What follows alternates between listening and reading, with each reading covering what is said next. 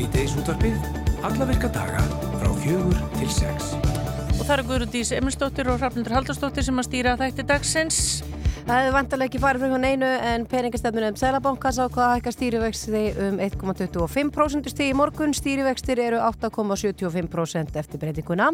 Verkbólgu spá bankans er svört. Margir tjáðu sig á samfélagsmiðlum í morgun þegar tilkynnt var um hækkununa og má það nefna stjórnmála fólk og, fólk úr verkeflisefingunni. En nú ætlum við að opna fyrir síman og heyra í fólkin í landinu og heyra hvað hlustundur okkar hafa að segja um þessa hækkun. Símin hérna opnar hjá okkur svona hvað ég var að segja, cirka 20 myndur yfir fjögur eða svo hannaldur? Já, 5, 6, 8, 7, 1, 2, 3 Já. og endilega bara farið að skrifa niður spurningarnar. Já. Já. Á morgun verður mikil hátíð í sjáarklasunum út á Granda þegar yfir 50 frumkvöðlar og fyrirtæki með kollagin og fiski, veiðar með ljósum, síldarlísi, sárameðferð með fiskgróði, veiðitekni, ramarsbátar, fiskleður. Þetta er svo langt ég get ekki talið þetta allt upp og svo snirtifilur úr skél eh, þegar það á að sína þetta allt saman á haftengdri nýsköpunarháttíð og sá sem kemur yngað er Þór Sigfússon, stopnandi og hugmyndafræðingurinn á bakvið sjáarklasan, allar að segja okkur allt um þetta eftir. Við heyrum svo skemmtilega sögu af tilur nýjustu bókar Gunnars Helgasonar. Bókin heitir Bella Gella Krossari og kemur í vestlanir í dag eða morgun, ég er ekki alveg klar á því. Við stóðumst ekki freysti Gunnar, við hringdum í Gunna og báðum hann að kíka til okkar strax eftir 5 fréttir í dag til þess að segja okkur já, þessa sögu bara í beinni. Já, tengist sundlaugin og hellu. Já. Já. Nú leita AFS samtökin af fósturfjölskyldum fyrir skiptinema sem eru að koma til landsins í haust. Hvaða skilir þurfa fósturfjölskyldur að uppfylla og hvað fælst í því að taka þessi skiptinema? Kristín Björnsdóttir sem stýri fósturfjölskyldum uh, fósturfjölskyldu öflun hjá AFS og Katalín Karajnóni, ég veit ekki hvort þetta er rétt borið fram hjá okkur. Það, hún kom inga sem skiptinemi árið 2016 frá Ungurlandi. Það er alltaf komið til okkar og segja okkur betur frá. Um þessa myndir hefur Tjarnabíói verið breytt í baðlón. Ástæðan er svo að verkið Lóni þegar það er í síningu en það er fyrsta sviðsverk Magnúsa Tollasíus sem að útskrifaðist frá LHI nýlega og við ætlum að ringi Magnús síðar í þettinum.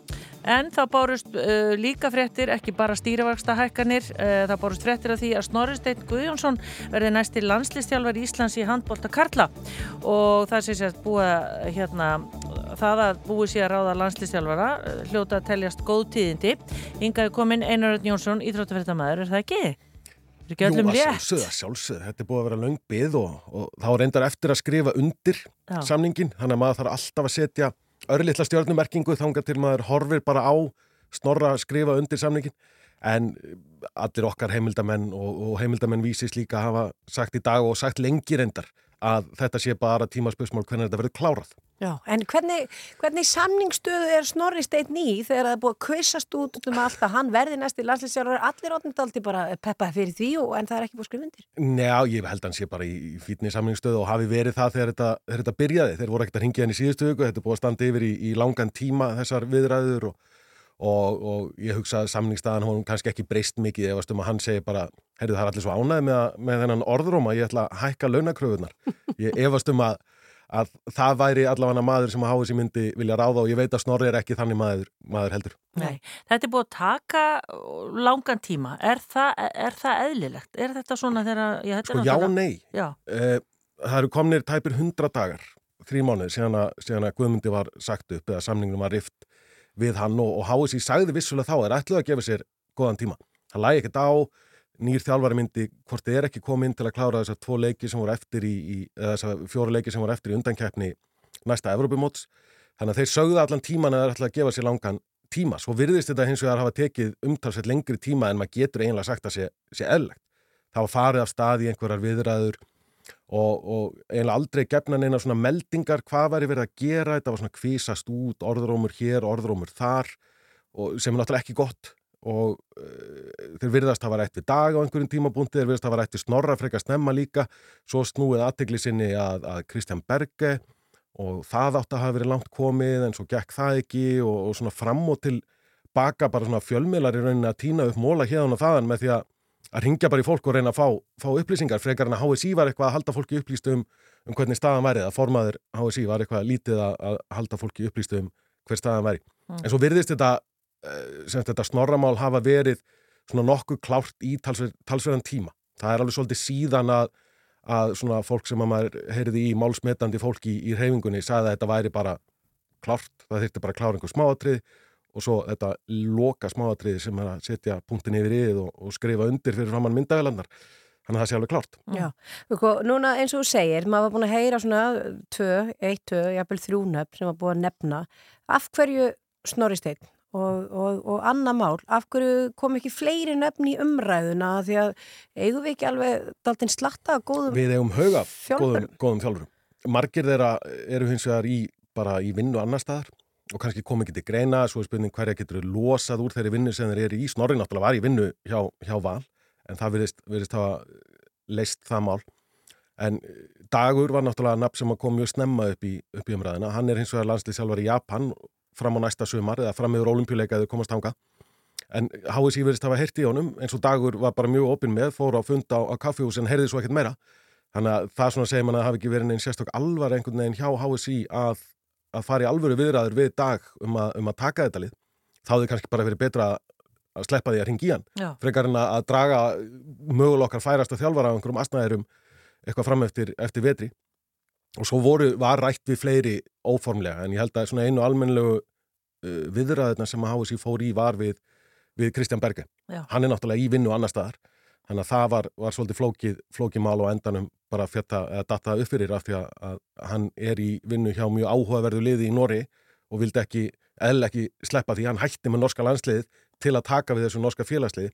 Þannig að eðlilega vildi hann kannski ekki, ekki hoppa frá því til að taka Íslandi. En þetta er allt er góðu. En, en Snorri Steinn, segðu okkur aðeins frá honum, hann er að fara í mjög stóra skó hann, hann er að fara að vera landslistjálfari Já, já. það lítur að vera pressa á honum það er, Já, ég meina það er mikil pressa og náttúrulega árangur liðsins undanfarin ár nokkur hefur verið undir pari, yfir pari fyrir ekki, svona meða við það sem að við allavega gerum okkur sem þjóðvæntingar um Mhm. og Snorri, hann náttúrulega hefur gríðarlega reynslu sem, sem leikmaður, var í, í einlega bara öllum þessum bestu liðum okkar, vann Silfur Olimpíuleikum bronsa á, á EM, spilaði hvað, spilaði í 12 eða 13 ár Erlendis með stórum félagsliðum með frábæra þjálfara.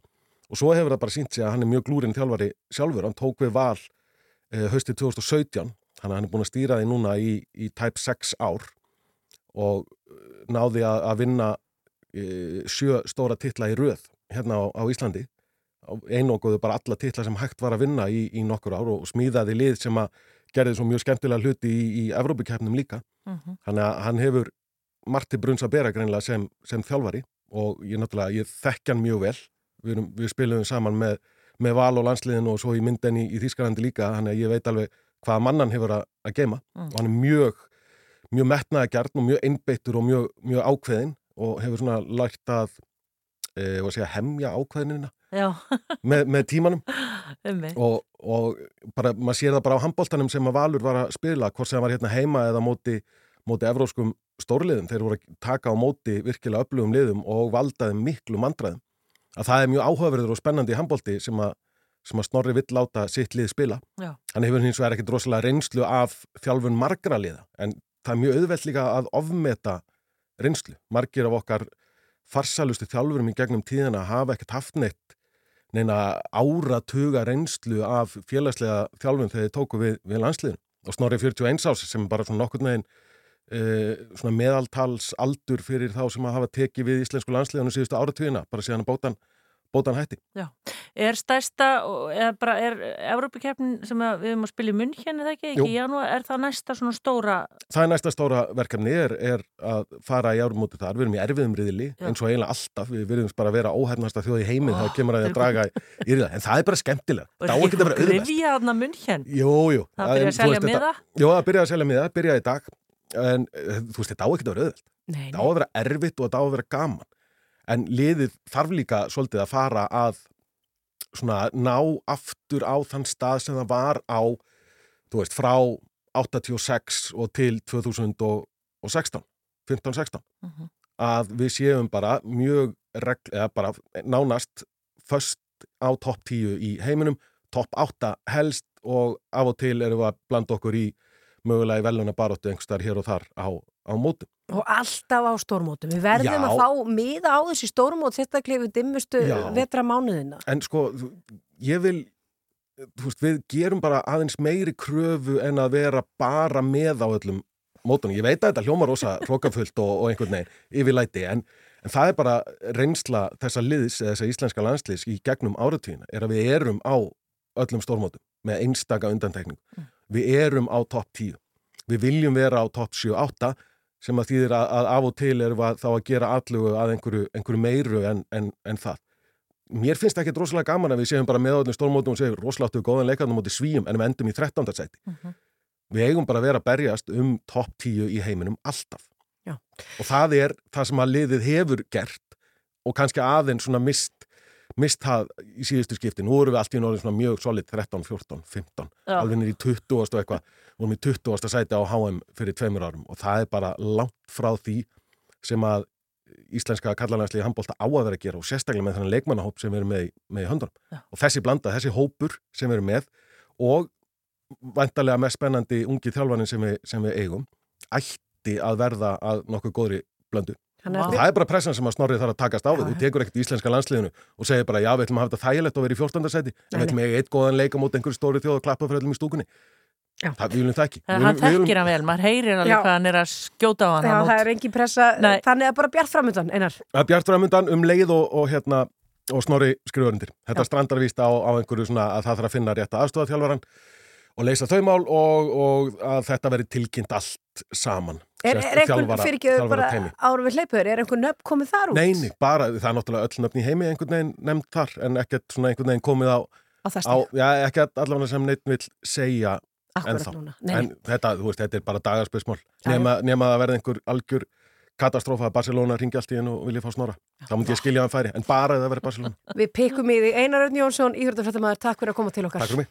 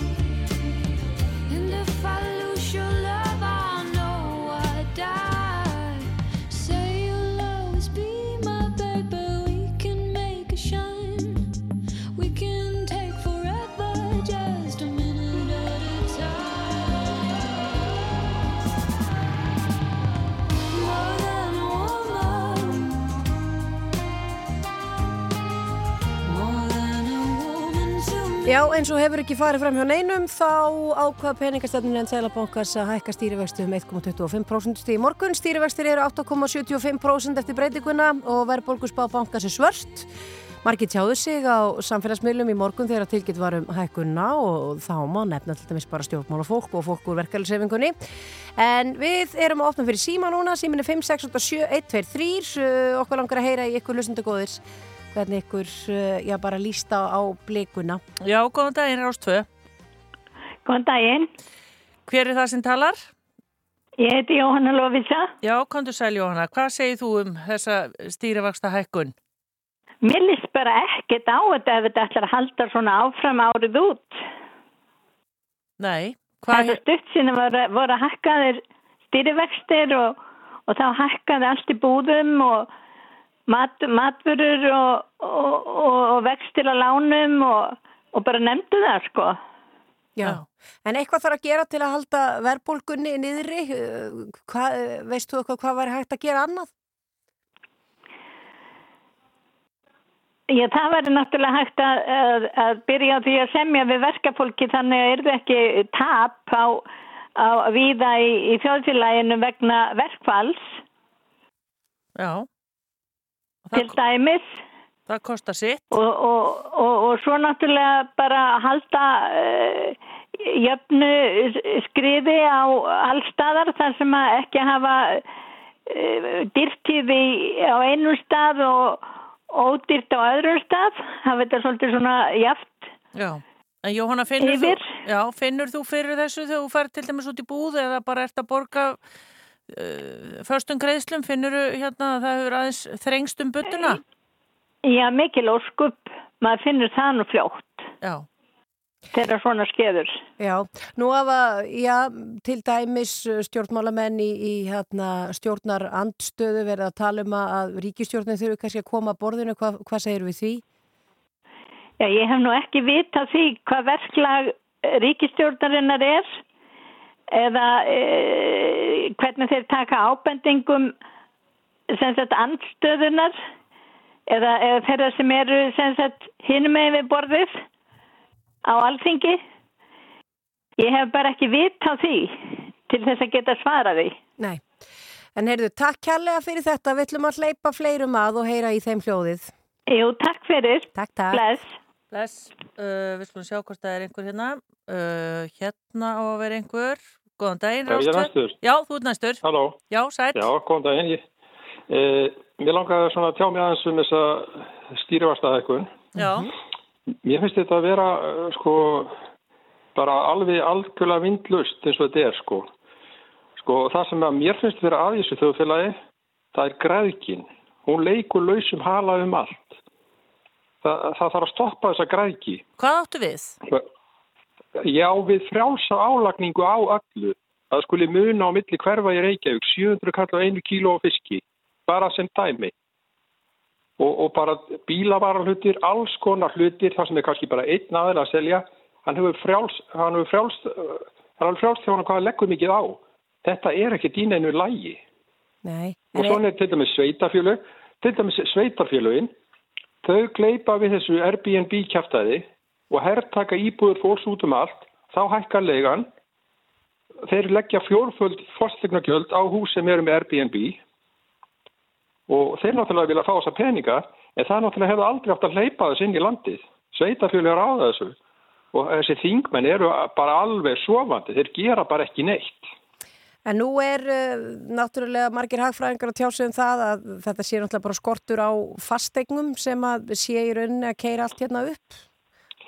Myndir já, vilja, myndir, já, sjálfsagt. Hvaða aðgerri myndir þú vilja sjá gerðar í þeim málum til þess að... Já, sko það er náttúrulega, það er bara stutt sem ég sá fettum það að, að verktakar væri að leggja 100% á nýjar íbúðir. Er það einhverja lagi? Ég held að þú eru að stoppa þá græðki líka. Þetta, þetta er út um allt. Mm. Þessi græðki, hún er svo mikil að það er, alveg, það er ógeðslegt. En hefur þá Sæðlabankin einhverju önnur hérna, tök á að gera eitthvað í þessu en að hækka vextina? Sko, sko, þeir eru bara að vinna eftir reglum sem þeir eru að gera en það eru stjórnvöld og, og, og stjórnir sveitafélag sem geta snúið öllu við á stuttum tíma bara ef þeir vilja. en þeim er bara alveg skýt sama. Þeir vilja bara græða og græða. Það er eina sem þeim hugsa um. Þeim er alveg sama þá læn, lánin hækki upp úr öllu valdi hjá okkur öllu. Mm. Einmitt það. Uh, við, já, takk fyrir þetta. Já, takk fyrir. Takk fyrir.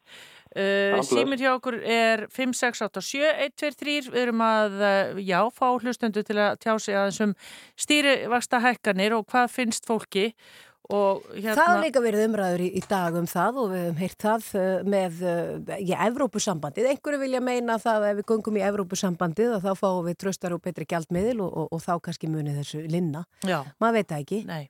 5687123, uh, það var nú einhver sem, ég, hérna, sem var búin að býða á lengi og hefur verið kláðið óþólumóður en við skulum sjá hvort það komi hérna, ekki einhverju fleiri hérna, sem vilja tjása um þetta mál.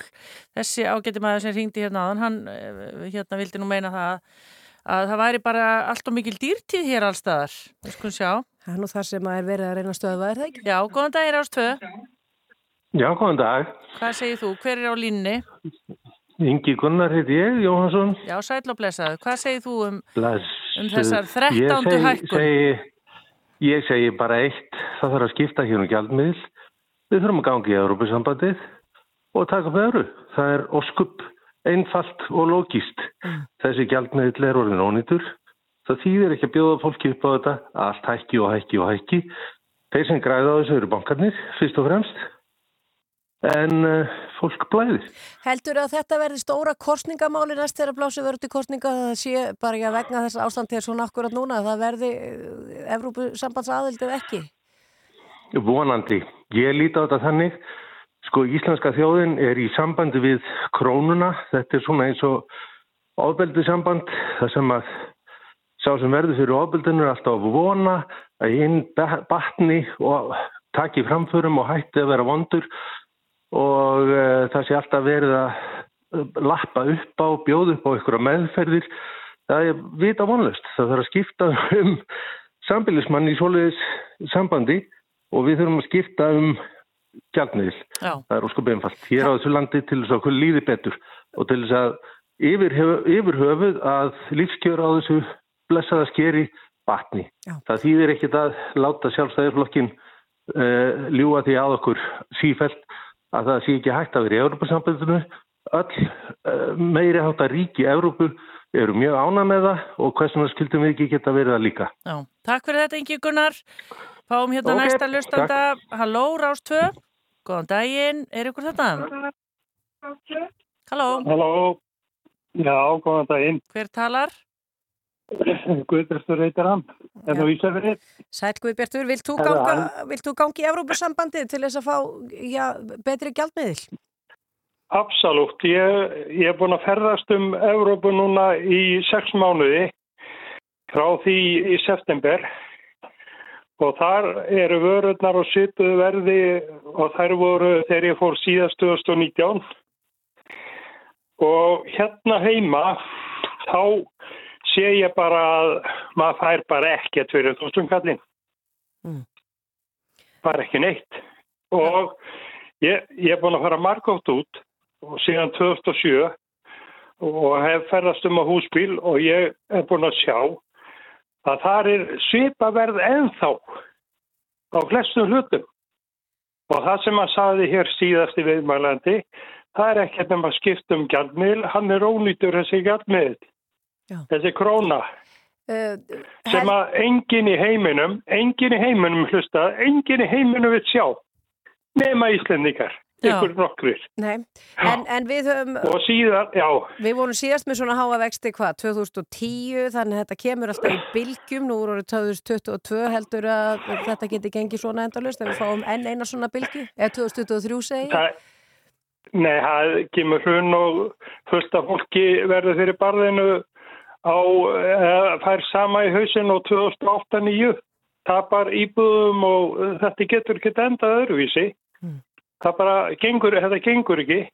Nei, það er þín skoðun, Guðbjörgur. Eh, og, og ég spái því, ég spái því að fyrsta fólki núna verði veikt, andleg og líkamlega veikt í þjóðfélaginu eins og það gerðist eftir hrunnið og það var met ár árið 2016 þá komum 1700 mannsinn á örorkulista. Er, er þetta það sem við Íslandika viljum eða Viljum við vera eins og annað fólk já, í Evrópu og heiminum? Já, þú spurða þessu Guðbjörn, takk kærlega fyrir að ringja hinga til okkar á Rástvö. Það var lítið Já. og bara takk ykkur. Takk fyrir. Það fjallum málið. Já, bless, bless. Takk, bless, bless. Það er spurning hvort það er einhverju fleiri þarna úti sem að vilja tjása um þetta mál. Við erum aðeins með opin síman í nokkra myndur viðbót 5, 6, 8 og 7, 1, 2, 3. Ég held þetta sé það stort mál í hugum landsmanna að fólk er kannski bara veira sér við að ringja. Það sé hérna... Já, það er náttúrulega eðlust kannski bara feimið að tala um þetta. Því að ég meina Ásgeir Jóns og Selabókstjóri er náttúrulega ekki öfinsverði stöðu. Hann Nei. er bara í stöðu og hann er að gera það sem að, já, hann telur þurfa að gera. Þannig að það er erfitt kannski að, að, að hafa sterkar skoðanir á því. Já, við fengum allavega sterkar skoðanir og ekki bara þakka þeim sem ringdu. Endilega.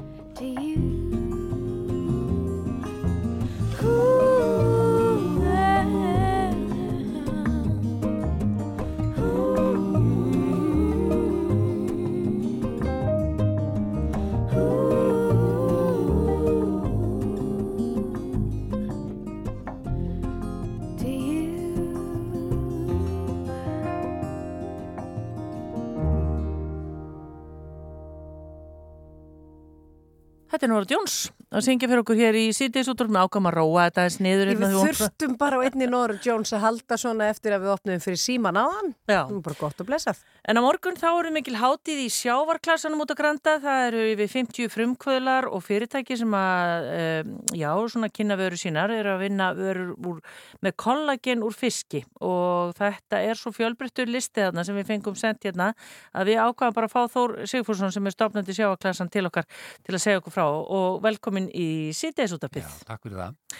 Þetta bara, við þurfum aðeins að rifja upp sjávarklassin, hvað er þetta gammalt fyrirbæri? Heyrðu, hann er nú 12 ára í dag, segja ykkur. Og bara í dag? Já, við erum hægt að halda upp á alla ammælistagana, við erum á svo gömul sko, Já. en við erum allavega, þetta er ammælistagurinn okkar, Já. þetta er svo skemmtilega til. Til lukku með það. Takk fyrir það. Og hugmyndi var þessi að sagt, þetta er ekki fristús í þeim skilningi heldur að vinna með hitt sem við hendum alltaf. Akkurat, og bara verða svona einhver eldistöð fyrir nýjungar Já. og fullt af fólki sem að vil gera okkur á hluti með, með hérna, fiskin, fiskin okkar. Já, og við erum bara orðin heimsmeistari í því íslendingar. Við nýtum meira fiskin en nokkur annur þjóður sem við byrjum okkur sama við. Já. meðan aðra þjóður eru að henda stórun hluta af fiskinum, það sé öllum þessum hlýðarafurðum, þá erum við bara að nýta þetta næstum allt. Já. Uh, er ekki frægast í dag, er það ekki hérna Keresis eða hvað? Keresis er orðið svo rosalega stórt að það er alveg indislegt að fylgjast með því. Skulle vera 500 starfsmenn og, og þetta er orðið eins og ég segi stundum orðið eitt verðmætasta sjávarútusfyrirtæki landsins og það heiti Keresis, var til á Ísafyrði og notar aðeins brota brota af kvótanum er að 0,04% af kvótanum en er samt eitt verðmættasta sjávarútsfyrirtæki í landsins, ef svo má segja. Já. Já. Öllu hinn hent þá, eða hvað? Nei, nei, engu hent. Aðrir eru að nota róðið í hérna, Já, já, já. hitt og þetta. Ég Já. segi bara, þetta er svo dæmikið þeirra hvað við eigum óbáslega verðmætti í þessu prótíni og þessu vítamínum sem eru í þessum hlýðaraförum, hvað sem það er maginn eða sundmaginn eða, eða hausinn eða róðið eða beinin og svo framvís. Það er bara, það er endalust tækifæri. Já. Og sko, það eru margar vörur, þá á morgun alltaf koma saman og það verður hérna, hvað, yfir 50, má ekki segja framleiðendur eða?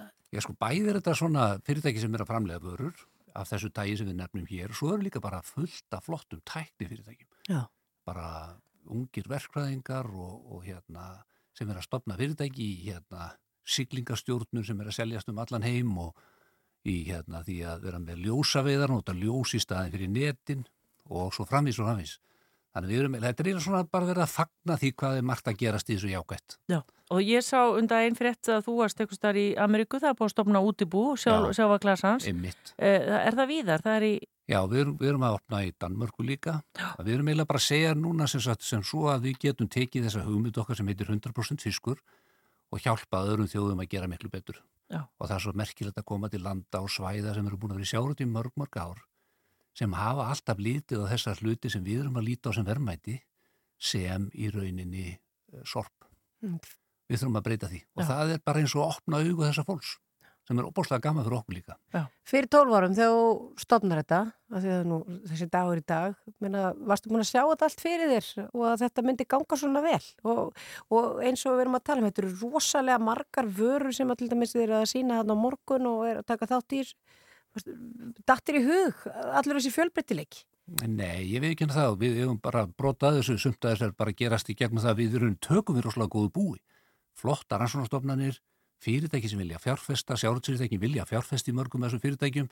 Þannig að er, þetta, ég er svona aldrei degraður líka þannig, sko. Þetta er ekki eins og ég hefði búið þetta til, sko. Það er sum, sumleiti búið til vöggu sem hefur gert að verkum fullt af nýskumar fyrirtækjum þeim fjölgar kannski, en við erum líka í grein sem er bara mjög sterk á Íslandi og hefur fullt af börðum. En við erum bara rétt að byrja, held ég. já. Þó þú komst með bæklinga allar að segja okkur, sko, svo er það þetta verkefni. Já, mér Ætlar langar reyndar að segja ykkur frá því okkur langar svo mikið að þegar við erum búin með, erum núna með sjáaklassan og þau, það húsnaði er illa nýtt hjá okkur. Já. Nú eru mörg fyrirtæki að koma til okkur að segja okkur vantar starra húsnaði til þess að fara að framleiða. Bæði vinna fiskin eða jafnvel fara í gróðurrækt og fleira og þess vegna erum við að taka yfir núna byggingarnar í, í Helguvík þar sem Norðurál ætlaði sér að koma sér fyrir með stóra álverið og þar getum við bæði sparað kólumnissporið út af því að það er búið að reysa byggingar. Já, og við getum flýtt fyrir fyrirtæki þess að húsin eru til staðar. Þetta eru um 30.000 fermetrar. Þannig að við erum óbúslega spenntur í því. Það þótti mikið þegar við byrjuðum þess að 3000 fermetrar nýr á Granda en nú erum við að tífalda það. Já, en flytur þá Nei, sjávaklasin þanga? hann verður hérna líka. Já. við verum alltaf, ég hef að vera húsverður sjáklassum alveg fram á nýraðis aldur Með stóra likla kipu. Já, Já. algjörlega En þið, þið eru þá að fara framleið, það verður, verður framleiðsla þar. Já, það eru svona stærri möguleikar fyrir fyrirtæki að vera með stærri framleiðslu einingar Já. Það hlýtur að sviðum. vera mikið ánægju efni bara fyrir suðunis og fyrir okkur öll að þessi, þetta hús eða þessi hús verði nýtt. Já, bara gríðalegt tækifæri líka að hjálpa fyrirtækjum til þess að fara að gera, fara að framleiða og bara þau fyrirtæki sem eru búin að fá inn hugmyndir frá fólki eru þannig að ég, við erum óbáslega spenntur. En getum sjáu þið þetta gerast? Ég held ég jafnvel í sko svona síðsumars munum við fara að skrifa undir fyrstu svona viljaflýsingar en við erum bara svo þess að við sjáum bæði stemmingunni í þessum sveitafélugum, Reykjanesbæ og Suðunisebæ og við sjáum svona fyrstu fyrirtækin er að koma að tala við okkur og þau eru bara með fullt af áhugaverðu fólki sem vil starfa þarna og við þurfum að fá fólk úr sveitafélugunum þannig að hérna ég held að ímyndarbreytinga á þessu svæði geti gest mjög hratt á ég við Helguvíku svæði sem Já. hefur svona alltaf liðið fyrir fortíðina Einmitt. en hefur æðislega tækifæri. Já, en er ekki þar ekki bara ótrúlega margt að gerast þarna? Er þetta ekki bara, þó að húsi sé til, þá þarf að breyta því, eða Já, hvað? já, já, en það er samt miklu einfaldar að gera það svoleiðseldur en að reysa nýtt. Já. Svo vorum við með hugflæðisfund með fullt af frumkvölum og 40 frumkvölum og þá sá fólki þarna hestús við hliðana og sagði bara, heyrðu við verðum með fyrsta deili hestúsið í þessu húsi. Þannig að fólk getur fengið sér reyðtúr í hátteginu og hérna allskins hugmyndir sem kom fram sem var alls ekki dórhennar. Þannig að við ætlum að, við ætlum að gera eitthvað sniðut úr þessu. Já. Þetta er spennandi. En á morgun, blá nýsköpun, síning á haftengri nýsköpun uh, út á gróttu. Uh, út á Granda. Út á Granda, út á Gróttu segi ég, við ætlum ekki að fara allir þangað. Milli 14 og 18, uh, allir velkomnir. Allir velkomnir og bara hérna Hvað fór með því? algjörlega og bara um að gera kíkja á þetta, gaman að sjá framtíðina í sjávardugnum. Það. Þór Sigfússon, takk fyrir komuna og næst tölu við þá er þetta eitthvað að byrja þannig í Helguvík. Takk fyrir. Og það líður að tilkynningum og fréttum. Gunni Helga kemur til okkur á eftir við ætlum að fræðast um AFS og svo Baðlón í Tjarnabíói en við skulum heyra í kusk og óvita hérna fram að þeim fréttum og tilkynningum. Þetta er Elsku Vinur.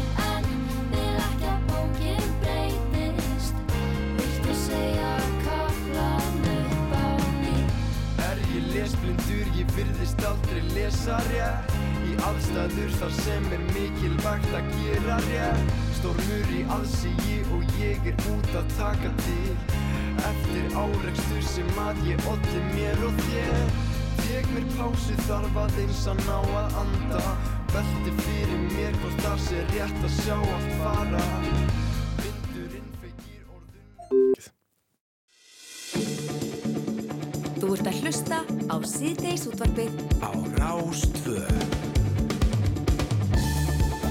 meðan við byggjum eftir að Gunni Helga, Gunnar Helgarsson, rithöfundur og leikari og ýmislegt fleira eh, komið sér fyrir hérna, fá sér kaffi hérna, að þá ætlum við aðeins að líta á veðrikuna, við erum ekki búin að gera það neitt í dag. Nei, við höfum ekki haft tíma hreinlega til þess að fara yfir spána. Það hefur náttúrulega aðeins blásið um þjóðina bara út Jú. af stýrivaksta hækkunni og svo, jú, jú, aðeins skinni sóla okkur líka út í það búið ráða landslýstálfara í, í handbolta. Uh, gula viðvörunin, hún er svona eiginlega búin. Já. Það er rosalega gott. Það er vestan og suðvestan 8-15 metrar á sekundi í kvöld og stöku skúrir eða slittu jél. All víða skúrir á morgun en dregur úr vindi og úrkomu síðdeis og hiti verður 6-14 stíg og það er mildast suðaustan til. Og ef við kíkjum bara á staðaspánunar klukkan 18 þá er 7 stíg að hiti í Reykjavík og 10 metrar á sekundu, 6 stíg að hiti í Bólungavík og 14 metrar á sekundu, 6 metrar á sekundu og 8 gráður á Akureyri, 9 metrar á sekundu og 10 gráður á Eirstöðum og 12 metrar á sekundu og 9 stíg að hiti á Kirkjubæðaklaustur og það sem að engerir þetta er að það eh, er gul sól allstaðar hann það ský yfir og eitthvað svona líka en það er samt, það sést í þá gulu allstaðar á, á þessari staðaspá. Já, einmitt. Þetta lítur vel út og ég, bena, ég ætla bara að trúa því sem Einar Sveinbjörnsson er búin að vera að segja mörgusunum í mörgum útastviðtölum og á bliku og vefnum sínum og allt að sumari kemur um mánaðamótin. Þetta eru orð sem Einar Sveinbjörnsson sagði og við ætlum bara að trúa því. Já, ábyrð hans er mikil, Rafnildur mín, en við bara einmitt, maður á alltaf að trúa og halda í vonina. Já. Gunni Helga, hér eftir lag og auðlýsingar að þá sest hann hjá okkur.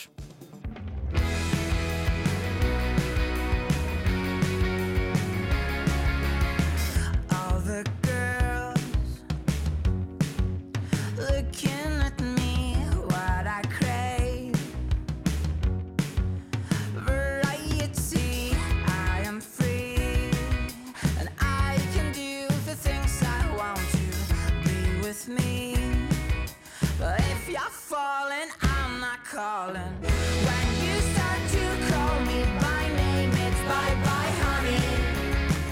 When you ring at least twice a day, it's bye bye, honey. When you start to get close to me, it's bye bye, honey. When you wake in the morning, I'll pretend to fall asleep real quick.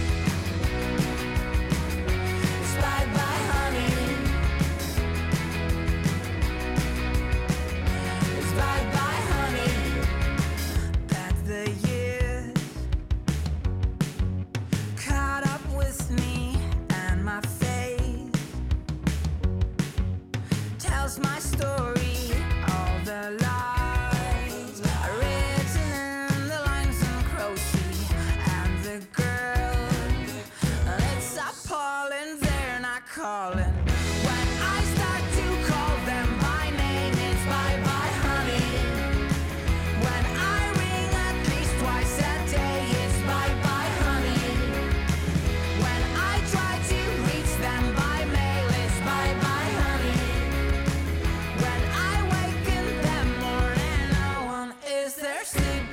Next to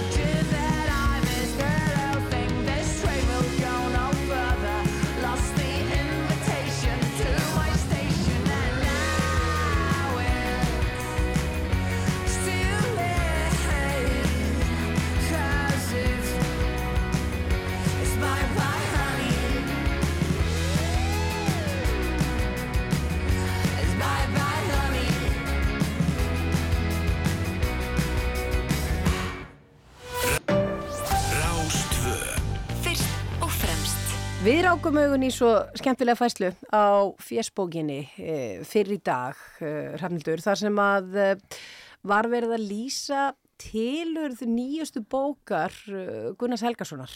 Þetta var bráskemmtileg saga og við náttúrulega gátum ekki setja á okkur, urðum að heyra í Gunna til þess að ræða við hann um það hvernig nýjasta bókina sem að heitir Bella Gella Krossari var til.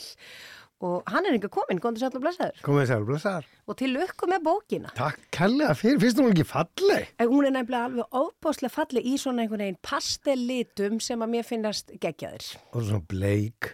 Já. Og svo þetta græna móturhjól og bláa hár, þetta er alveg stórkoslega mynd, sko. Rán flýring gerir hérna kápuna. Já, og ég líka hrifin að því að allavega bókin sem ég er hérna með að þetta sé sko, hún er uh, ekki uh, hörð.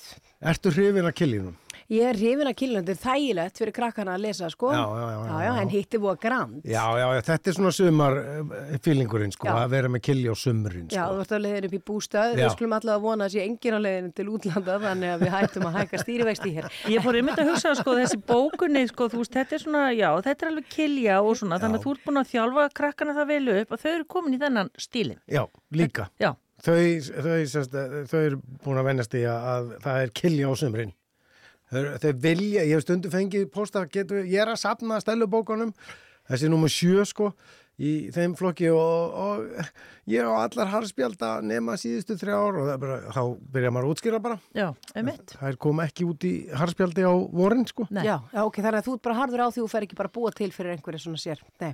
Nei, ég er ekki með sko prensmiðu heima. Nei, ég- akkurat, akkurat. Þannig að þetta er bara bland, bland í póka. Bland í póka, bland í póka. En þessi saga, Já, hérna Bella Gella Krossari, segðu Já. okkur nú aðdraðandan. Ég, ég veit að við erum komin í sturtu í sundlegin á hellu. Í kallaklefunum. Í kallaklefunum. Já, hvað er þið að gera það? Já, ég bara, hérna, svona slýsast maður, var að fara að sjá illa. Já. Nei, en þú ert þar, sem sagt, Já, á fögrum já. sumar degi, hvena var þetta? Já, þetta var í apríli fyrra, Já. um, bara um páskaleitið og ég er bara í sundi með frúni, við erum með lítið sumumbústaðana rétt já og erum oft í sundi á hellu og, og svo fer ég oft í heimsókn sko í skólan á hellu, þegar ég er að gefa út bækur fer ég á les og svona. Þannig að, að við erum málkunningar, ég og krakkarnir á hellu og ég er bara þarna að sápa á mér hausinn í indislega heitu vatninu á hellu og þá heyri ég bara öskrað á mig Ertu Gunnar Helgason? Vandræðilegt, þú Og Alfreð. fyrstu viðbröð bara grípa fyrir kloppan. Já. Já. Opna, reyna að opna augunni gegnum sápun og segja já. og ég sé bara 5-6 strákaðna sem voru í skólasöndi, sko.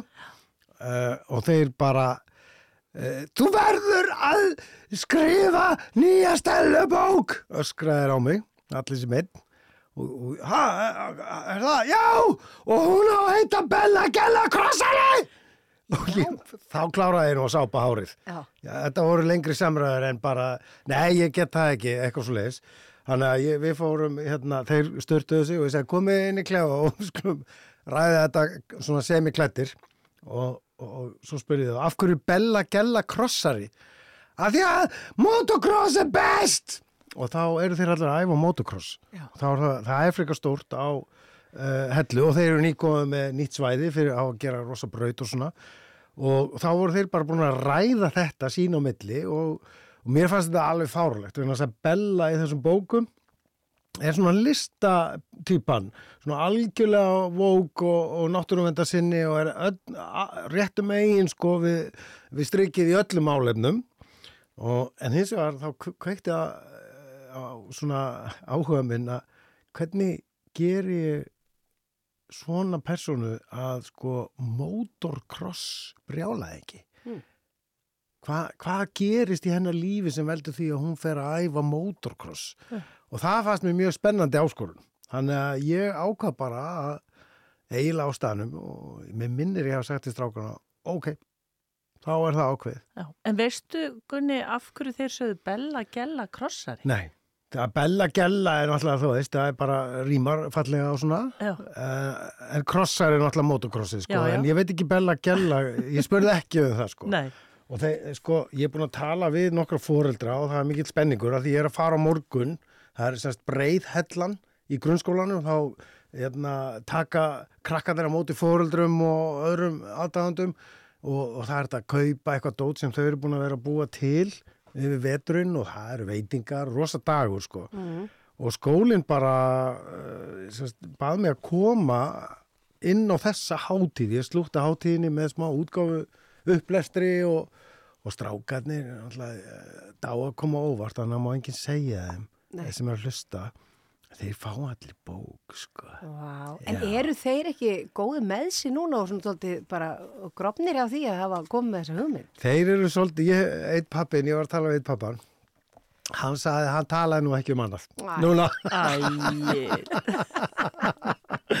og sá pappi, hann er nú einn af fórskólarum í, í motocross, hann allir í Lingasi og hann allar að koma með, sko, að mæta allir strákarnir á hjólum, eða allir krakkarnir sem er að æfa, mæta á hjólunum í skólan, eða með hjólinu, veit ekki hvort að keira sjálf, eh, og svo kemur allir með, allar hann að koma með hjól fyrir mig Já. Og ég fæði að prófa motocross í fyrsta sinn. Já, en er það í fyrsta sinna því það er líka það sem ég fór að velta fyrir mér. Þar maður ekki hafa bara pínu vit á hvernig krossari fungerar og allt þetta til þess að skrifa eitthvað um hann. Jú, ég er nefnilega horfði á mikið á, á, á YouTube á motocross og svo talaði við Pálmar Pétursson, gamlan vinn minn úr skíðunum og uh, hann var rosalegu skíðamæður. Hann hefur farið í motocrossi og sonur hans er Íslandsmyndstari og, og hann, hann fær nafni sitt í bókina, hann er hann að mótstjóri og aðal móturu og hann hjálpaði mér og, og sagði mér svona til. Já, og það eru fullt að stelpum í þessu í dag.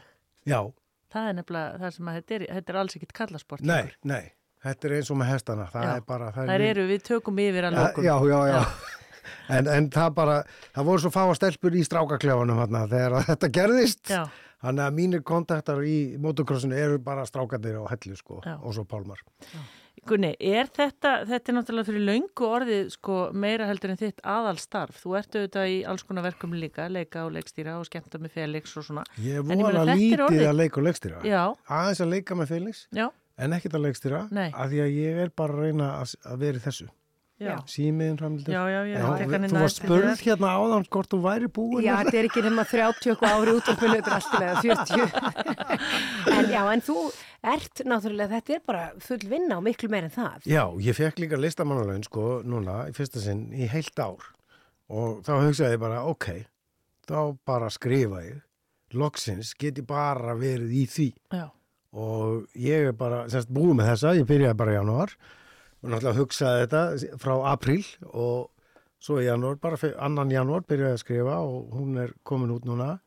Heldur hún að fara í búðir í dag og svo er ég alveg að klára næsta bók Já. sem heitir Bannað að drepa. Og er í seríunni Bannað að, Bannað að eðilegja, Bannað að ljúa og núna Bannað að drepa Vá, hvað ert að skrifa lengi á dag? Ég meina, þetta virkar, að virkar alltaf eins og sért vel ofirkur, af því að, Já, já. ég meina, tvær bækur núna á einhver tíma. Hvað ertu, ertu allan daginn að þegar, Nei, ég, ég ræði ekki við það Nei. Ég get ekki setið kjörsvonleiki það er eitthvað, ég fæ bara í bakið og hausin á, ég verð bara eitthvað skrítin sko Mm. Þannig að þetta eru svona frá fjórum til sex já, fjórum til sex tímar En þú reynir að gera þetta þannig að þú sért bara að fara í vinnuna, Já, þetta er bara að vinna þig já. og Og svo að það, stundu þarf maður að fara út með höndin bara til að hugsa, bara maður er svona eitthvað að leysa einhver vandamál sko og þá er það rosa gott að, að reyfa sig, að fá blóðið í gang og veist, hérna, þá fer, kemur meira blóð upp í heilan og, og maður leysir hlutina hraðar sko og, og svo að keira, rosa gott að keira Mm. Á já.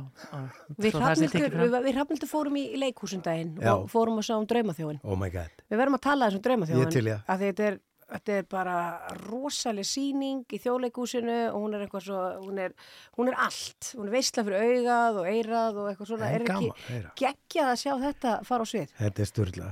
Þetta er sko, þetta er svo, þetta er svo undarlega upplöfun og það er ekki þetta að bera það saman við neitt eiginlega vegna þess að, að sko, þú hugsar eitthvað, þú fær einhverja hugmynd og þú, eins og með draumaþjóðun, hún var nú lengi sko að- að að veltast í hausnum á mér að því að þú veist, þetta byrjaði sem lítil sætsaga af mús sem fyrir heimann og svo smá saman var hún grimmari og grimmari þannig að þetta var langur aðdrand ég var mjög lengi með þá bók. Og svo kemur bókin út og maður er búin að hugsa þetta allt og reynir að, þú veist, hugsa fyrir öllu er, þetta er svona, þetta er eiginlega fantasíubók og maður þarf að búa til allan heiminn og, og veist, þetta var erfitt. Og svo bara nokkrum ára síðar, þreymur ára síðar þá er bara lifandi fólk að segja texta sem maður skrifaði fyrir fjórum, þreymur árum og, og hérna svolítið af nýju náttúrulega líka, það þarf að stytta og breyta og kannski bæta við og, og, og sjá þennan heim sem þetta listafólk hefur skapað og þarna er allir fremstu listamenn þjóðurinnar að- að- í, sko, vali maður og kona í hverju rúmi og þetta er bara Og tónlistin? Og tónlistin, að maður tala nú ekki um það þetta, er svona ólýsalegt hvernig eitthvað sem maður hugsaði fyrir svona mörgum árum Mm. lifnar við Já. þetta er eins og að hugsa ég ætla að eigna spatt og þá að vera svona, svona, svona, svona, svona og svo verður það bara akkurat þannig nema aðeins betra Þetta það er stór- bara ótrúlegt Já. Og Gunni, þetta ertu búin að upplifa náttúrulega líka með bíómynd, það er líka Já. búin að gera bíómynd um bóki, bó, Já, já. já, já. og svo hef ég leikið, ég leik í mömmuklikk Emmitt. Það var nú furðulegast að þessu öllu sko vegna þess að þá er maður stattur inn í heiminum sjálfur. Já. uh, og hérna og það var mjög erfitt að æfa það þess að ég kom aldrei inn á svið. Ég stóð bara alltaf, veist, senan er að byrja og ég kom inn eftir þegar að mamma segi þetta og, og ég stóð alltaf í hliðavagnum og, og svo fór ég að hugsa þetta hún er svo góð Vala Guðuna maður, hún er algjör snillingur og Þóru Lári þetta er bara svo mikið snill, nei, Siggi maður, hann er svo skemmtilegur svo kom þögn Já, já, ég er að koma, ég er að koma, ég er að koma. Það lifði sig í þetta. Og ég, ég leik svo illa fyrsta árið, sko. Ég bara var, ég var bara farði og bara njóta. Þetta var alveg förðuleg tilfinning. Svo sá ég vídeo upptöku, sko, þe- þegar við fórum að æfa leikrið upp um haustið og ég fekk bara áfall. Mér fannst ég svo ræðilegu, sko. Og þá, þá fór mér mikið fram, sko. Já, þá hættur að lifa þessum við. En allavega þessi bók, er, er hún komin þá út eða er, er Heyrðu, hún fyrst hún- gefin út á hellu? Nei, ég sko, hún á að fara í búður í dag. Já. Og svo þarf ég að láta eh, dýra eh, fá eh, fyrsta eindækið, hann Já. pantaði fyrsta eindækið. Já.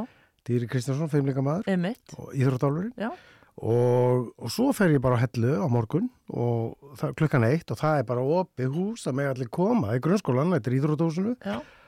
Og þeir sem ekki komast eh, í, á hellu á morgun í hátteginu, þeir geta mætt á Selfoss á föstudaginn klukkan 5 í Pennan Eymundsson í nýja miðbænum og þar verður svona, svona he- hefðbundið útgáfubóð, kaka og hapdrætti og eitthvað svona Geggjað. og upplestur Já. og áritun og voða gaman. Já.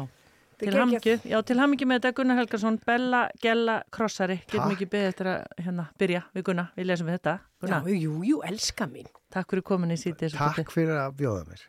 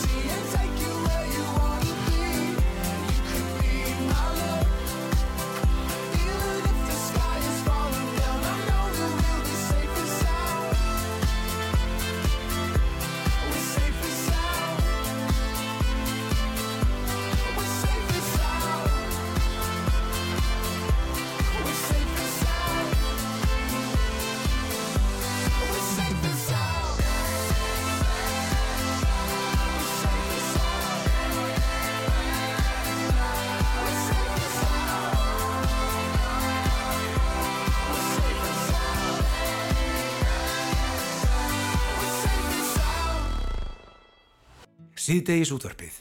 Málefni líðandi stundar. Frá fjögur til sex á Rás 2. AFS samtökin á Íslandi eru þessa dagana að auglýsa eftir fórstufjölskyldum og uh, það er ábyggilega skemmtileg reynsla og margi sem hafa einmitt uh, stíðið það skref að opna dittnar fyrir fólki og börnum eða úlingum eða ungu fólki allstaðar aður heiminum og uh, Kristín Björnsdóttir er hinga komin en hún er svo kallar prógrammanager hjá AFS samtakunum og stýrir meðal annars þessu verkefni fjölskyldu, fóstu fjölskyldu öflun fyrir þá skiptinema sem er að koma til Íslands í haust. Og svo er með henni Katalín og nú er það spurning hvort ég ber þetta rétt fram Karasnóni það er rétt hjá mér, við leiðum þetta eftir. Hvernig ber þetta fram? Karachon Já, Karachon, þú kannski bara segja afkynir þetta eftir, við hérna tölum aðeins við þig og eftir, en Kristina við byrjum á því hvað hérna hvað þarf fóstur fjölskylda að hafa fram að færa? Já, bara takk fyrir að bjóða okkur að koma. Um, fóstu fjölskylda þarf í rauninni bara að hafa, eins og maður segir, rými í hjartanu til þess að, að taka á móti nema og, og jú, jú, það það náttúrulega hafa pláss í húsinu, einhver staði til þess að setja neman á. Um, og uh, þetta snýst í rauninni bara um þann áhuga sem fólk hefur af því að opna heimilsitt fyrir ólíkri menningu og ungmennum. Og við vitum til dæmis að, að hérna Það er ekki allir sem vilja að geta að fara í skiptina en það er kannski hægt að bjóða skiptina með á heimilisitt því það er líka viss svona, komur að segja, menningarferðalag. Já. Ekki síður áhugavert og skemmtilegt eins og fara í skiptina. En er hérna, verður fólk að vera með börn á heimilinu? Eða? Nei, við, við erum með, við tölum alltaf um að allar fjölskyldir eru fjölsk, fóstufjölskyldir og það, það, það sagt, það er, við erum með alls konar, við erum bæði með einstaklingar sem hafa uppkomin börn, við höfum einstæða fóreldra, uh, samkynjapör, uh, við erum með, uh, sem sagt, já bara alla flóruna í rauninni. Þetta er bara, þú veist, ef áhugin til staðar og, og auðvitað þurfa, þarf maður að fylla út umsokn og fara, þú veist, í gegnum svona smá spjall við okkur og, og það þarf að vera, sem sagt, fylla út í sakaskrá og annað slíkt. En ef áhugin til staðar og viljin og allt er bara eins og það á að vera sem er bara, held ég, hefur alltaf verið sem betur fyrr, þá er ekki til fyrir stöðu að taka sér. Nei, og þetta er hversu langt tími? Það, þau sést koma í, í ágúst? Jú, þau eru að koma hana, svona, hana, fara til fóstufjölskyldina sinna 20. ágúst, byrjaðu að fara á svo kallar kominámski þegar þau koma til Íslands, bara svona til þess að aðeins að koma um nýra jörðina og, og segja um pínleiti frá Íslandi. En síðan er það þannig að þau hérna fara til fjölskyldina, jú, í kringum 20. ágúst og fara í rauninni framhaldsskóla allan að öllu jafnan í framhaldsskóla út um allt land. Uh, og þau eru hérna í tíu mánuði en við munum síðan á næsta óri einni taka móti þryggja mánuðanemum sem eru þá í rauninni fram í ágúst til, til desember. En í ár höfum við í rauninni bara einn þannig nema en annars eru þau öll hérna fram í júni á næsta ári. Varst þú sjálf, hefur þú sjálf opnað hérna dittnar á þínu heimili? Já, sannlega sko. Ég, ég, hérna, ég fór að síntíma sjálf sem au pair en hérna og hef búið svolítið að þeirri reynslu. Hún markaði svolítið svona hvernig ég, hvað, ég, hvað er að gera núna ástand fyrir hjá AFS. Ég sé svo rosalega hvað það getur gefið fólki. Um, bæði ungmennunum sem og fjölskyldunum en jú, ég hýsti eh, ég hýsti ungmenni í gegnum mönnusamtökun líka AFS og hérna það er rosalega gaman, ég á tvær stelpur og þær voru 11 ára þegar ég var að hýsa og svo sem við vorum hýsa var þá um, 16 og það var svona þar að aldrei átt eldri sískinni, þetta var tvýbra og þetta var bara, já, ótrúlega skemmtileg reynsla. Já, ummitt. Uh, Katalín, þú komst sem skiptinni með til Íslands, hvað er þú fætt og uppalinn? Ég uh, er frá Ungverjlandi og ég var í skiptina á, á Ílstöðum og ég var, já, ég var á æðislegum fóstyrfélagskildu sem ég er ennþá að halda samband með. Já, en af hverju vildur þú fara til Íslands? Gastu valið það? Já, ég fekk valið og svo þetta var alveg bara hefni að ég kom hingað af því að uh, ég var að velja frá, frá programmið sem EFS bjóðar, að bjóða og svo ég glemti að svona sirkla inn uh, program fyrir Ísland af því að ég var svolítið gummul þegar ég fór í program, sérstaklega þetta er fyrir 15 til 18 ára krakkar og ég var orðin 18 þá.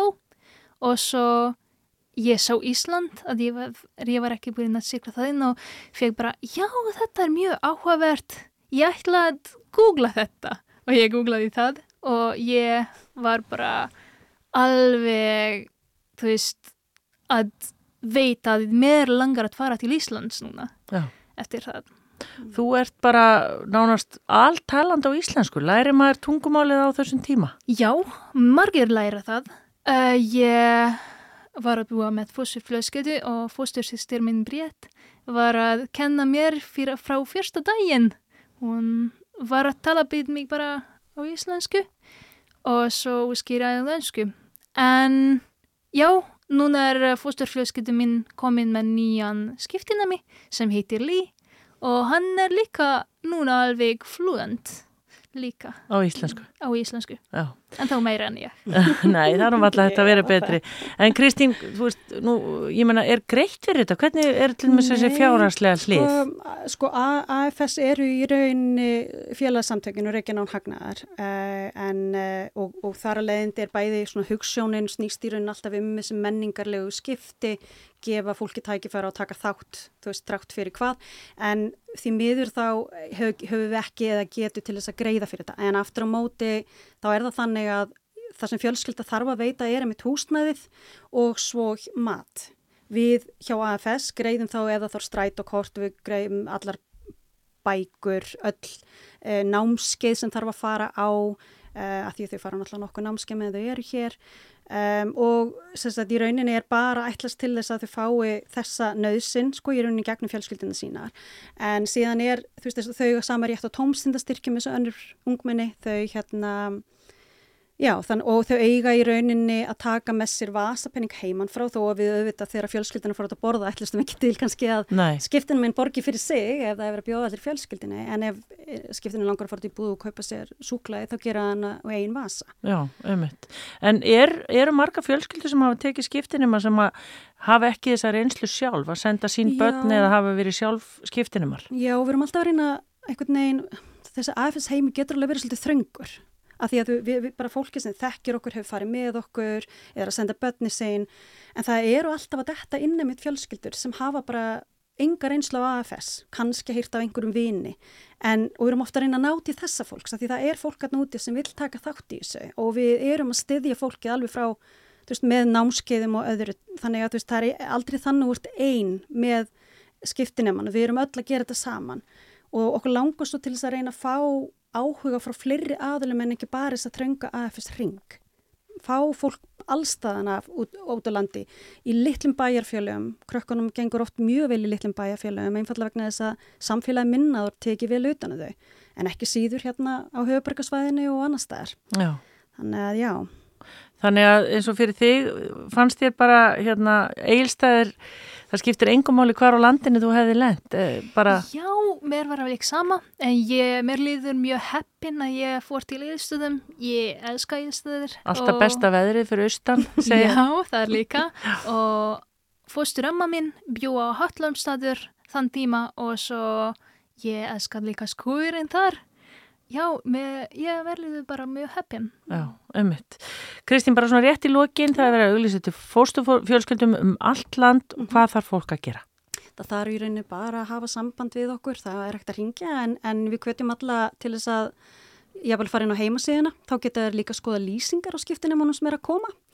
Já, það eru komin nöfn. Já, og það eru komin- nöfn á, á og myndir uh, af krökkunum og svona stutt lýsinga á áhugamálum og öðru og það er allt saman inn á heimasíðin okkar en líka inn á Facebook og Instagram uh, og þar eru við líka með uh, tölvunettfang, uh, tölvpostinettfang sem hægt er að, að hafa samband við og eða þá hreinlega bara hring, hafa bara samband við mig beint sem er þá kristin.afs.org ekki Já. um, og, og við munum bara gefa eitthvað meira upplýsingar ef eitthvað langar að, skoða þetta eitthvað frekar. Og hvað er þetta margir krakkar sem eru að koma? Það er að koma 29 eða 30, það var eitthvað svona spurning með einn, en, en já, þetta eru, og við erum mm, komna með nokkra fjölskyldunum, við þurfum klárlega fleiri. Já, koma svo þið úti Koma sem að viljið aðeins, hvað ég að segja, bara bæta við hérna viðsýnina og sjóndildarhingin og allt þetta. Bara akkur ekki bjóða heiminum heim og, og menningunni og kynna börnunum fyrir ólíkur í menningu og, og það er ótrúlega áhugavert, jafnvel þó stelpan sem ég var að hýsa kom frá Þískalandi að þá var svo greinlegt að uppbylda henni var svo ólíkt barnana minna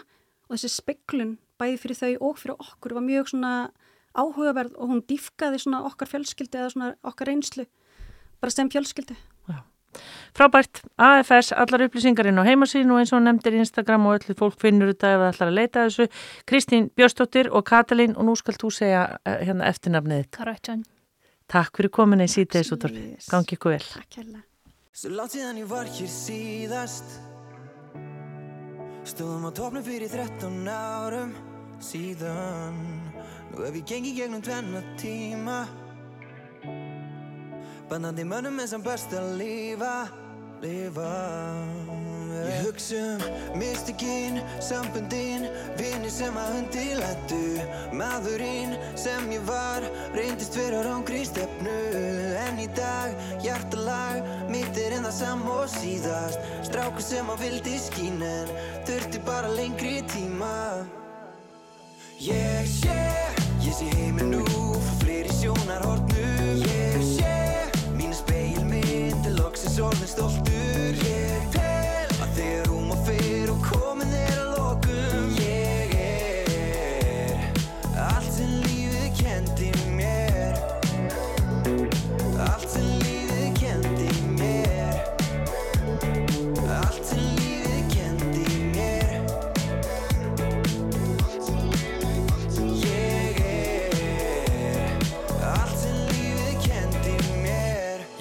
sporinu, týndist í sannleika sagt, var fastur í fortíðinni og ég tók flöskuna fram yfir allt.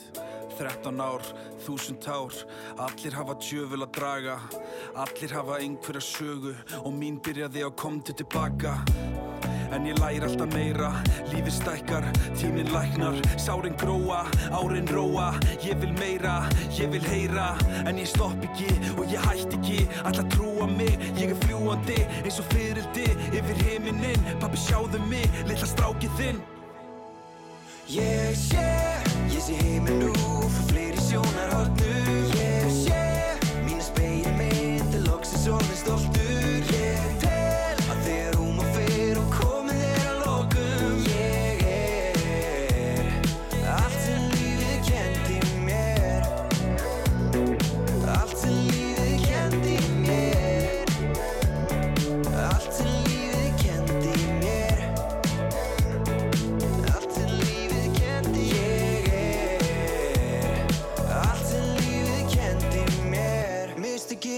sambundinn Vinni sem að undirlættu Maðurinn sem ég var Reyndist vera rángri stefnu. En í dag, hjartalag Mitt er en það sam og síðast. Strákur sem að vildi skín En þurfti bara lengri tíma. Þurfti lengri tíma. Ég sé, ég sé heiminn nú Frá fleiri sjónarhornum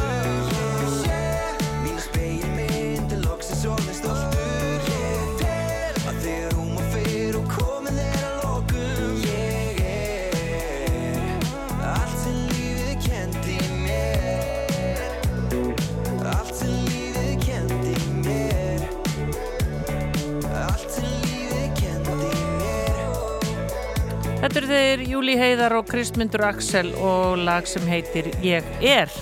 En um þessa myndur hefur tjarnabíói verið breytt í magnað baðlón og um, já, manni ditti það nú ekki hug, bara svona sí svona en þannig verið að sína verk sem heitir Lónið og er fyrsta sviðsverk Magnús og Tólasíus eftir útskrift af sviðshöfundabraut uh, LAI og við erum konið í samband við hann Magnús sem er einmitt að undirbúa síningu fyrir kvöldið, sæl og blessaður.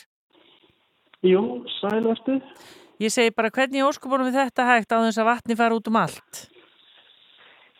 Sko, það er mjög góð spurning. Uh, Í LHI, þegar við síndum síninguna fyrst, þess að síðasta vor þegar ég var að útskrifast að þá fengum við bara sal í skólanum til afnóta í nokkra vikur og það var niðurfall í þeim sal þannig við gáttum bara að smíða litla bakka svo að vatni myndi ekki vera að flæða neitt og svo gáttum við bara tekið tappan og niðurfallinu og þá bara fór vatni í burtu og ekkert vesen. En nú erum við mætt með síninguna í Kjapnabíó í afninu leikús og þar tekur svolítið annað við þar sem að við þurfum að geta gengið frá leikmyndinni uh, samdægurs og svo bara annar hópur að æfa kannski daginn eftir og allt svoleiðis. Þannig að við þurfum að finna einhverja laust til þess að geta búið til lón eða litla laug á sviðinu. Og já, eftir útskrift í fyrra þá hafði ég eitt ár til að finna ábyrgum og svo hafði ég nýju mánuði og svo sex mánuði og svo dæja mánuði til að finna ábyrgum og núna erum við að að sína og við erum svona bara að, rétt að finna úr þessu bara núna. Já, það er pínu óskýrt sambandi við Magnús en við heyrðum nú held ég allt sem þú sagðir en þannig að þú vilt ekkert gefa það upp hvernig leysið þetta með vatnið, það verður eiginlega bara að koma á síningun og sjá þetta. Já, ekki. Já, ég vona að sambandi sér betra en hérna Já, það er svona En pínu við erum loði. bara- Alltaf þessi ekki vatni sem Já, er að hafa ykkur áhrif á línundan að það hjá okkur. En, ekki en er sem sagt verkið, gerist það sem sagt í lóni? Er þetta fólk sem er sem sagt að baða sig? Já, þetta er svona okkar útgáfa af baðlónu, innblásið af hennum eins og baðlónum eða spaðlónum lagum sem hafa sprottið upp hérna á Íslandi undarfærin ár. Já. Þetta er ekki endilega beint eitthvað ákveðið lón, þetta er bara okkar eigi lón sem við erum að búa hérna til í Tjarnabíó. Það er nú ekki mjög djúft, það er svona ökla djúft kannski og þarna eru þrjár personur eh, sem mætast og, og reyna að finna hugar og Já, eins og maður gerir þegar maður fer í lónið. Það er síningi kvöld, Magnús, og svo hvað? Aftur um helgina? Eða hvenar?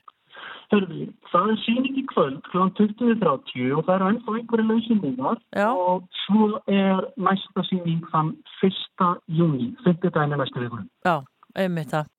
Allir sem vilja sjá eitthvað hérna skrítið og skemmtilegt í Tjarnabíu og bara gangi ykkur vel, Magnús, og bara vonandi, vonandi það. ekkert að leka út fyrir hann hjá okkur. Nei, nei, við vonum að þetta. Já, takk og bestu kveðir. Ok. Ble- Bless, bless. Já, þetta var hann Magnús uh, Tollasíus, uh, sviðishöfundur og uh, það er semst þetta verk sem er verið að sína í Tjarnabíu sem heitir Lónið, það búið að breyta eða verið að breyta fyrir síningu kvöldsins í Magna Baðalón. En við höfum smá tíma yfirbót og hlustum aðeins á tónlist og hér er Kul og lagsmyndir Operator.